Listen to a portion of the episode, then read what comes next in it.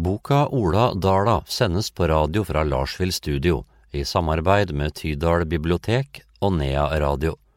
Produsent Lars Lien. Musikk Andreas Aase. Den historiske romanen blir lest av forfatteren Odd Håvard Morseth.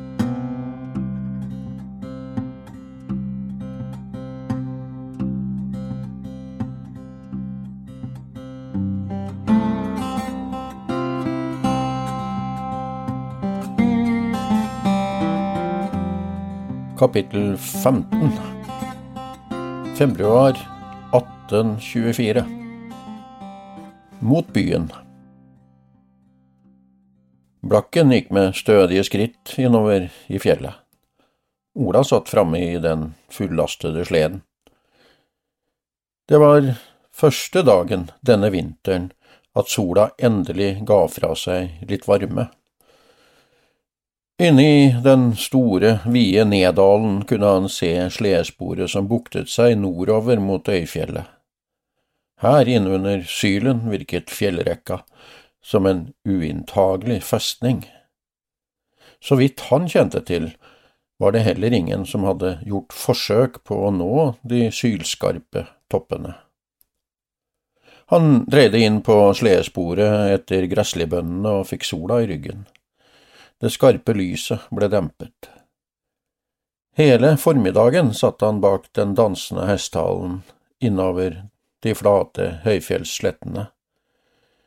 De tok middagsrasten inne ved Broksjøen. For hundre år siden hadde dette området vært overstrødd med frosne lik. Karolinerhæren hadde gjort retrett gjennom fjellene her, etter at de hadde beleiret Trondheim gjennom sommeren. Svenskene kjempet mot snø, vind og kulde. Men den kampen endte i deres største tap på felttoget. Og for et tap! Over 3000 mann skulle ha mistet livet i løpet av noen få døgn. Soldater lå spredd over store områder. Mange ble forlatt og døde allerede før de nådde hit inn, til områdene ved Essan. De fleste var unge gutter, rekruttert med tvang til en siste kamp for kongens ære. Da vinterstormen hadde løyet, fulgte major Emhausen og hans rødjakker i sporet etter den fortapte svenske hæren. Kompaniet la beslag på alt som kunne være til nytte for militsen i Trondheim. Stivfrosne lik gjorde ingen motstand. Etter dem kom folket i bygda og plukket opp alt de kunne finne av verdi. Lik ble kledd av. Alt som kunne komme til nytte for det utplyntrede folket nede i bygda, ble lempet på kjelker og dratt hjem til gårds. Soldatvåpen var ettertraktet, men ble ofte brukt til annet enn jakt. Mange av børsepipene ble smidd om til redskap og utstyr, men noen av våpnene ble brukt til selvskudd i rovdyrfeller. Hjemme på Dala var skjæringen i grua et karolinergevær. Til og med slipsteinen var lagret på en sveiv smidd sammen av geværpiper. Gjennom mange år ble det funnet soldatutstyr og likrester. Rovdyrstammen blomstret opp. Ola hadde hørt historier om den gode jakten på de store ulveflokkene. Jerv og lueskinn fra traktene her ble i flere år godt betalt. De hadde et sjeldent blankt hårlag. Ola hadde rustet seg godt for turen. Utenom eh, bunkene med skinn og de to vidjemeisene med rype, hadde han også en vidjemeis fullstappet av høy. Truger til hesten var helt nødvendig på slike turer, de lå i sleden sammen med vidjehankene til å feste dem med. Hammer, tang og søm for skoing av hesten var viktig utstyr, det lå innpakket nede i vannbøtta. Stål, flint og knusk var godt sikret mot vætet i eldførpungen. Øksa var kilt ned under benken, uten den var det vanskelig å overleve lange reiser i fjellet. På hodet hadde Ola fått et nytt plagg. Lars hadde kommet med en ulveskinnslue idet han skulle kjøre ut av tunet på Stuggevollen. Et lite forskudd på bidraget, hadde han kalt det. Han hadde sydd den i de mørke vinterkveldene, ny og ubrukt var lua. Ola hadde tatt av ullua med den doble røde kanten og satt på seg skinnlua. Klaffene tettet godt om kinn og ører. Bak i nakken hadde Lars sydd fast spissen av ulvehalen. Den danset lett over kragen på kjøremudden. En slik lue var sjelden vare, selv for en ulvejeger. De fleste så seg ikke råd til å benytte skinnet til egen bekledning, ulveskinn hadde for god markedsverdi til det. Nå er du en riktig kjørkar, hadde Lars sagt og ledd, med den rare latteren sin. Maren hadde gjennomført en siste inspeksjon av utstyr og ferdaskrin før hun tok tak i jorda, rettet på muddbånd og strammet knuten i livet. Så tok hun et godt tak i kragen på kjøremudden, festet det mørke blikket og sa takk. Mot kvelden rundet de Øyfjellet. Blakken nikket med hodet, det sang en sprø klang fra messingbjella i en stille snøbyge. Slepa utover mot Gressli hadde gått langt inn i fjellet. Utover i traktene her var Ola ukjent. Han mente at de måtte nærme seg Østbymarka. Han fant et snar med kraggraner nede i et bekkefar og tok rast for natta. Han var snart 18 år ett steg nærmere det å bli voksen, men det var fortsatt tre år til myndighetsdagen. For tre år siden gikk han middelskole oppe i Lichgata på Røros, bodde i et kaldt og trangt loftrom, og hadde all verdens tid til å forberede seg på voksenlivet. Ulverumpa datt ned i nakkegropa. Der han satt bøyd over bålet, nede i snøen. Det brant livlig rundt tørr grankvist. Han rettet seg opp og jaget tankene bort. Han var på reise videre i livet, framover, og inn i det livet han hadde forpliktet seg til. Neste dag tok han av fra sporene som svingte ned til gårdene i dalen han fortsatte videre under Fongen og inn i Roltdalen. Lars hadde ment det var det beste, det var full drift i Kvernsteinsbruddet der. Derfra måtte det være solide kjørespor utover til Selbu. Bruddet var synlig på lang avstand. Steinstøvet lå som et grått lag over snøen nedover dalsida. Steinhoggerne meislet på mange emner utover i bruddet. Ola ble overrasket og glad da han så Johan Krokstad komme gående. Han var steinhogger denne vinteren, sammen med driftslaget fra Krokstad. Han hadde fått stallplass til hesten, og plass i brakka. Stallen var murt i stein og lå for enden av tømmerhuset. Karene tok kveld, og han delte brisk med Johan.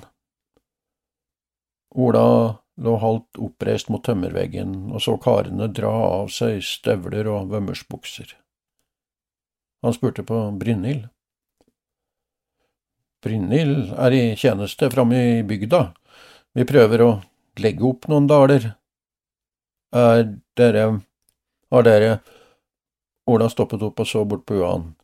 Jo da, vi har planer om både giftermål og gård. Så da blir det du som skal ta over på Krokstad, sa Ola og krøp under fellen. Nei, den kampen har jeg gitt opp. Vi har fått lovnad om å ta over en plass oppe i Flora. Det er bare gamlinger igjen på uthus. Det blir dårlig med åndehjelp da på Dala til sommeren. Ola høyste seg litt opp, så bort på Johan. De andre karene var i ferd med å gå til ro for natta. Det var bare ei enslig tranlampe som lyste i mørket. Ja, vi får ta en prat. Vi kan gjøre en avtale om det. Kanskje vi kan se om vi får til en krøtterhandel i samme slengen. Det er nesten ikke dyr igjen i fjøsene på uthus. Ola lå en stund og så opp i taket. Så forunderlig livet var. Det var her han hadde havnet, på 18-årsdagen. Ingen visste om dagen hans lenger, verken søsken hjemme eller noen andre brydde seg om det. Det var mor som hadde fulgt med på primstaven og holdt orden på slikt. Hun hadde gjort litt ekstra stas på alle når det var fødselsdag. Noen blåste ut tranlampa. Han kjørte tidlig ut i skumringen neste morgen. De skulle sprenge en ny blokk med emner fra den steile bruddkanten. Han hadde sett at de fjernet trepluggene i meiselhullene og var klare for å fylle på med svartkrutt da han dro. Det var best å gi hesten litt forsprang før salven gikk. Han hørte et dumt smell i grålysningen og ble overrasket over vibrasjonene som gikk gjennom bakken og forplantet seg til sleden. Blakken kastet urolig på seg og slo et par galloppsteg, men rot seg fort. Johan hadde advart mot isen på Selbusjøen, den var ikke trygg utover mot Klæbu. Det gikk rykter om overvann og farlig is innover land. Han hadde ment at det var best å kjøre ut isen ved Eidem og over til Selbustranda. Derfra måtte han ta bakkene opp mot Mostamarka. Siste kvelden på reisen mot byen tok han losji under noen grantrær ved veien mot Jonsvannet. Det var noe helt annet å overnatte under det tunge barhenget i den store granskogen og verdens enkleste oppgave å finne ved til et bål. Han sov godt den natta, på en snøfri flekk inne ved en granlegg. Ola hadde vært på reise i seks døgn da han så reisemålet foran seg. Det var tidlig kveld og solnedgang ute i den lave horisonten. Ikke det at han så noe særlig til byen, men han skjønte hvor den måtte ligge nede i dalen ut mot Trondheimsfjorden. Det lå en dis over landskapet, utover langs dalen. Han trengte losji og stallplass og svingte av mot en lite tun like ved Jonsdalsveien. Rundt tunet han kjørte inn, var det fjøs og stall, hovedhus og sidebygning. Et stabbur, en løe og et skjul lukket tunet mot nord. Det så fattigslig og grått ut. Han hadde sett malte stuebygninger allerede oppe ved Jonsvannet. I området her var gårdene større og mange bygninger enda finere. Veien inn i tunet fortsatte videre bortover mot et stort hus med rosa vegger. Det lignet på en gård han hadde sett på Røros, nederst i Bergmannsgata. Han fikk spørre seg for. De måtte være vant til reisende her i gården, slik som den lå til like ved den trafikkerte veien. Kjøreturen hadde tatt én dag mer enn det Lars hadde trodd. Mangel på føre innover sjøen var nok årsak til det. Han hadde startet mandag, nå var det lørdag. Det var ikke tid for noen handel før mandag. Det var ikke annen råd enn å spørre om opphold her, på gården, i to netter. Bonden var en tettbygd, skallet kar. Noen grå hårtjafser hang nedover den brede nakken, skinnskjegget var grått, stritt og langt, som på gjeterbukken hjemme på Dala. Markus, Markus på Åsheim, finere kan det ikke bli.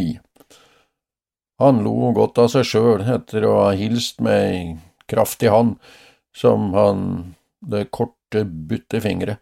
Det var som om Alt var tilpasset den korte, brede nakken, til og med beina var korte og kraftige. Fire skilling døgnet for stallplass og fôr, det samme for kusken. Ola bare nikket, takket ja til tilbudet og smilte. både av hva ble kalt kusk og bondens lette latter. Bønder i en langslede kaltes kanskje kusker i traktene her. Markus satte fra seg fjøsspannet, viste vei til stallen og pekte ut spilt. Ola spurte om plass i skjulet til sleden, det var dyrebar last han hadde med. Lasset var godt pakket ned under lerretsduk og surret med svinelærsreip. På toppen var reimene strammet ned gjennom to ringer av bjørkekrok. Han husket formaningene Lars hadde gitt. Du kommer til å møte all slags folk, de fleste er ærlige, redelige mennesker. Du må bare ikke stole blindt på alt du hører og alle du møter. Ola tok seg tid med blakken ut i stallen. De skulle ha hviledag. Hesten hadde godt av å bli striglet og få luftet hårlaget. Det var tydelige spor i pelsen etter seletøy som hadde presset og gnagd. Vann hentet han i en brønn ute på gården, det måtte være flere meter ned til vannspeilet. Han heiste opp bøtta, som var festet til et spill, og slo over i stallbøtta. Blakken drakk, og Ola vasket hendene i det kalde vannet. Det var tre høster til på spiltau ute i stallen, flotte høster. Markus ordnet med høy til alle. Hei var mye kraftigere og stivere enn det Ola var vant med. Han fikk hjelp med å skyve inn sleden og la mudden og kjørehansken over lasset. Det er god plass i Mastu. Veggbrisker med halmmadrasser bak i rommet. Du får bare ordne deg med ditt. Markus pekte mot sidebygningen, plukket opp bøtta og gikk tilbake inn i fjøset. Ola tok pakksekken og ulveskinnslua med seg, åpnet døra og ble stående. Varmen slo imot ham i den kalde vinterlufta. Damp danset rundt og steg til værs. Kom igjen, lukk døra! En kvinnestemme som hørtes kraftig og bestemt ut, gjorde at han lystret umiddelbart. Det var hvit, alt han så inne i rommet. Ikke bare damp, men store, hvite flak som hang overalt. Det er lintøyvask og laugardag, Kvinnen som kom fram mellom lintøyet, tørket av hendene på forkleet og dro det over ansiktet. Noen røde hårstrå klistret seg til det fregnete ansiktet. Jaså, er det en handelskar på bytur? Solveig, sa hun og hilste. Hun tok Ola i nærmere øyesyn, som om hun studerte hele framtoningen. De blå øynene så ut til å ha smilet i seg. Langtur? spør hun. Seks dager. Bevares, er du svenske? Ola ble utfordret og måtte svare. Du ser da ut som en bråmoden guttunge, du kan da knapt være noen bonde fra lengst inn i Tydalsfjella. En far din? Og mor di? Det kom så direkte. Ola hadde aldri fått slike spørsmål å svare på. De han brukte å omgås, visste hvordan det var fatt, og da snakket de heller ikke om det. Solveig sto med hoftefest og hørte tålmodig på den rotete måten Ola prøvde å svare henne. Ja, er det slik fatt, så er det jo ingen guttunge, men eh, noe til kar. Hun nappet Ola i jakkearmet han kneppet opp, og hun slengte den bort på brisken, borte ved veggen. Det ser nå ut som du trenger en vask, du med. Bra du kom i tide til en omgang med klær og kar. Ola var svett. Nå ble han rød. Solveig lo og sa han fikk vente litt med å dra av seg hele habiten. Hun hadde en siste kok med lintøy å gjøre ferdig. Han måtte likevel få av seg noen klær. Det her var en kraftig overgang fra nettene ute i vinterkulda. Solveig gikk bort og begynte å røre i den store bryggepanna som sto oppe på en støpjernsovn. Et røykrør gikk inn i den røde teggersteinspipa. Ringer som var tatt ut. Oppe på toppen av ovnen sto reist opp mot veggen sammen med ei stor takke. Finklødd ved lå stablet på steingulvet. Han forsto ikke det her. Gården så liten og fattig ut, men her hadde de til og med støpjernsovn og teggersteinspipe i madstua. Det kunne da umulig ha bruk for så mye lintøy. Solveig hadde åpnet kjolelivet, blusen var våt, kanskje både av svette og vannsøl. Hun gikk barbeint på steinhellene og løftet på det kokende lintøyet med en stokk.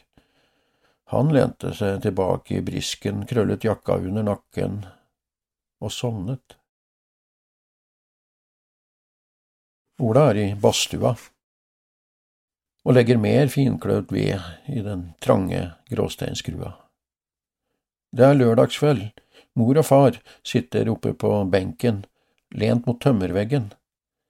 Det ser ut som de holder hverandre i hendene. Det er varme og svette. Han vil være den første ute i dammen. Det er et tynt lag med snø på bakken, ned mot bekken. Høstløv er synlig gjennom den våte snøen. Han løper naken og lettbeint utover bakken, men sklir. På de bare føttene og rett ut i dammen. Man er kaldt, som et sjokk mot huden. Alt forsvinner i et svart, rart lys. Han vet ikke opp og ned, kaver og synker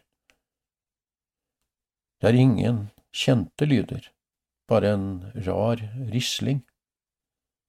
Han åpner munnen, må ha luft. Det smaker surt. Føttene flyter bare bort, han klarer ikke å finne feste. Hendene finner en stein. Han holder seg fast til den. Det blir mørkt og stille. Det er noen som tar tak vil hente ham opp. Mor? Det er ikke mor. Det var Solveig som sto der og tok tak i skuldrene hans. Hun rettet seg opp og smilte. Den tykke, røde fletta la seg fuktig mot huden i halsgropa. Da er all kokvask unnagjort, det er tid for et bad. Du får hente mer rent vann i brønnen. Solveig øste kokende vaskevann fra bryggerpanna over i den store stampen. Ola hentet vann, tre turer ut i tunet med to store bøtter. Du er nok mer møkkete enn meg, damene først, sa Solveig og sendte kjolelivet utover skuldrene.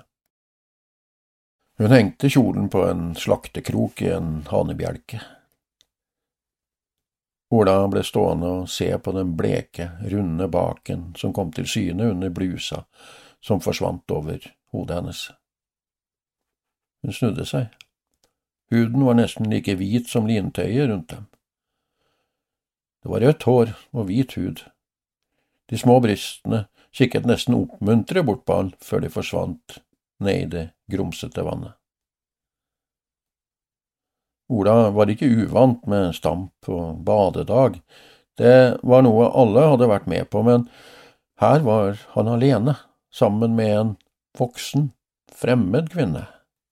Han kjente på nytt sjenansen, og ville gå tilbake til brisken bak lintøyet. Du får hjelpe meg med hårvasken, Ola. Det henger ei øse på bryggepanna og grønse oppi skåla Se å få av deg ulltrøya. Solveig snakket mens hun løste ut fletta og rettet ut håret mellom sprikende fingre. Hårvask hadde mor og søstrene hjulpet hverandre med. De siste årene hadde Anne og Halvor badet inne, men karene hadde gått til badstua. Det var lenge siden Ola hadde hatt såpe på kroppen. Han fikk gjøre slik han hadde sett mor vaske håret til søstrene. Solveig sa både mm og godt så da var det sikkert bra nok. Han skylte forsiktig av med det rennende, kalde vannet. Så sto hun plutselig der, rett framfor han, og smilte, tok tak i den nakne skulderen hans og gikk ut av badet. Din tur! Det var ingen vei utenom. Han måtte ta av seg ullbuksa og snudde seg litt bort. Ikke bare av sjenanse, det var pinlig. Han la ene handa over skrittet, holdt fast og var raskt oppe i vannet. Du får sitte der og bløte deg opp litt. Solveig tørket av kropp og hår og slapp en tørr kjole over hodet. Hun hentet grønnsåpa og ba Ola reise seg. Han ble sittende. Du trenger en skikkelig omgang vask. Du får ingen respekt om du kommer som en møkkete fattigbonde inn i handelshusene nede i byen. Har du med klesskift? Ola nikket til det. Lars hadde vært tydelig på at han måtte ha med søndagsklær til byen. Han hadde tatt med far sine. Alt han sjøl hadde, var for lite. Rene ullklær og strømper lå også i pakksekken. Det var langt fra vanlig at lasskjørerne hadde med klesskift, vanligvis var det ikke behov for slikt. De reiste om dagen og sov om natta i de samme klærne. Dagen før avreise hadde han spurt Anne om hun kunne hjelpe han å klippe hår og skjegg. Han hadde sittet med bar overkropp inne på kjøkkenet mens svarte hårtafser dalte mot gulvet. Opp, din lort, kommanderte Solveig. Jeg har vært i tjeneste i mange år og vasket større karer enn deg. Det hadde roet seg litt, han fikk ta sjansen. Solveig vasket med samme flid og øvde hender som mor hadde gjort da han var liten. Kanskje var hun litt for grundig, det strammet til igjen. Han turte ikke å se ned. Det er nå ingenting som feiler deg, ser jeg. De tar feil som kaller deg en guttunge, lo Solveig. Ola klarte ikke annet enn å la alt være som det var. Nå ville han helst at hun bare fortsatte med såpehendene sine, men han fikk beskjed om å sette seg ned. Håret ble vasket og skylt.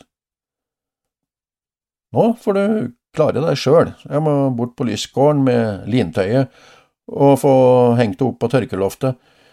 Det er stort selskap der i morgen. Lysgården? Ola hadde aldri hørt om en gård som var til lyst. Solveig begynte å legge sammen det fuktige tøyet og la det ned i en stor basskorg. Et lite vindu sto oppe bakerst i rommet, hun pekte ut, og Ola så en rekke med opplyste vinduer. Den bleke, rosa bygningen var opplyst i kveldsmørket. Granås gård, bygd av Hans Lytkens, en av de mange rike flensburgene som har slått seg opp og fram nede i byen. Nå er det kjøpmann Knutsen som holder til med sine selskaper der. Det er stor stas for borgerne å komme seg ut av byen i helgene. Mange av dem er invitert hit på middag i morgen. Lysgård, bor det ingen der, vil Ola vite. Bygningen du ser der, er bare stuer. Vinkelen bakover er kjøkken og tjenestefløy. Familien Knutsen overnatter nok, men vanligvis bor de i sin store bygård i Kongens gate. Om sommeren rømmer de fra rottene og sin egen skitlukt nede i byen og holder til ute på landet. Solveig dro på seg ullstrømpene, la lokket på korga og kneppet opp trøya. Ola hjalp henne ut døra, han hadde fått på seg litt klær, ville hente sko, hjelpe henne å bære. Solveig føyset han av. Kom deg inn til Markus og få deg litt mat. Ola fikk mat av Markus inne i kjøkkenet. Det var bare de to i huset. Det meste av bygningen var stengt av, og Markus bodde i et kammers innenfor kjøkkenet. Gårdeierne var barnløse haugianere. Det var han som bestyrte gården det meste av året, mens ekteparet reiste og forkynte Hans Nilsen Hauge sin lære. De hadde haugianerslekt i Rissa og tilhørte menigheten til Randi og Arnt Solem nede på Moholtgården. Hauge kunne ikke ha nådd fjelltraktene. Ola hadde ikke hørt om predikanten og hans menigheter. Nå er de på Lofotfiske, og da er de med på å organisere folket i båtlag og sender dem nordover. Lofotfiske er viktig det har reddet mang en familie utover langs kysten her. Er det langt til Lofoten? I alle fall mange ganger lenger enn den turen du har lagt ut på. I åpne båter og ofte på åpent hav. Det er ikke alle som kommer hjem fra slike turer. Da trenger enker og faderløse fellesskapet haugianere imellom. Ola så seg rundt i det romslige kjøkkenet. Det var sparsommelig innredet. En Solveig, da, bor ikke hun her? Nei, hun har lov til å bruke madstua av sjølfolket. Hun baker og koker og vasker klær der. Solveig bor i et lite hus nederst i Angeltrøa, sammen med de to sønnene sine. Gustav er til sjøs og i stadig frakt med trelast. De har ikke råd til å bo nede i Ila. Hun og barna overlever på det hun klarer å skrape sammen i tjeneste på gårder rundt her. Er det lite å tjene som sjømann? spurte Ola forundret. Markus satte kniven i skjærefjøla, strøk det grå hårtjafsene bakover og strakk seg etter kaffekjelen på komfyren.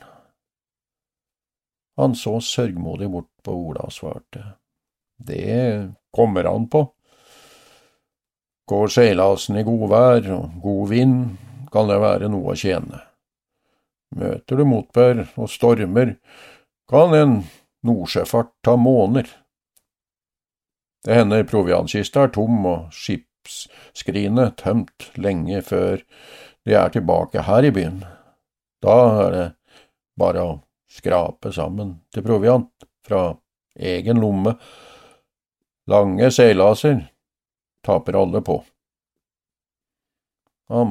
Plukket en tynn flis med Candis fra skuffa under sukkersaksa, la den mellom tennene og supte i seg den varme, tynne kaffen over spisse lepper. Jeg har stabla plank og rodd lekter ut til skutene i Ila i mange år, så det her vet jeg litt om. Det er ikke noe å trakte etter å være sjømann i våre dager. Markus korset seg og samlet de grove nevene. Enda verre var det i krigsåra. Engelskmennene var ikke nådige om du gikk i arrest. Det var ikke bare Napoleon som fikk stryk. Vi fikk kjenne det på kroppen, vi òg. Kapring og sjørøveri er det fortsatt ingen som bryr seg stort om. Forlis og skjørbuk har gjort mange til gravløse enker her i byen. Det skjer stadig at kroppen aldri når vigslet jord. Sjømannsunger er dømt til å vokse opp i fattigdom. Han hentet kniven i skjærefjøla og begynte å renske ut lort under neglene med knivspissen. Nei, hold deg på landjorda, gutt.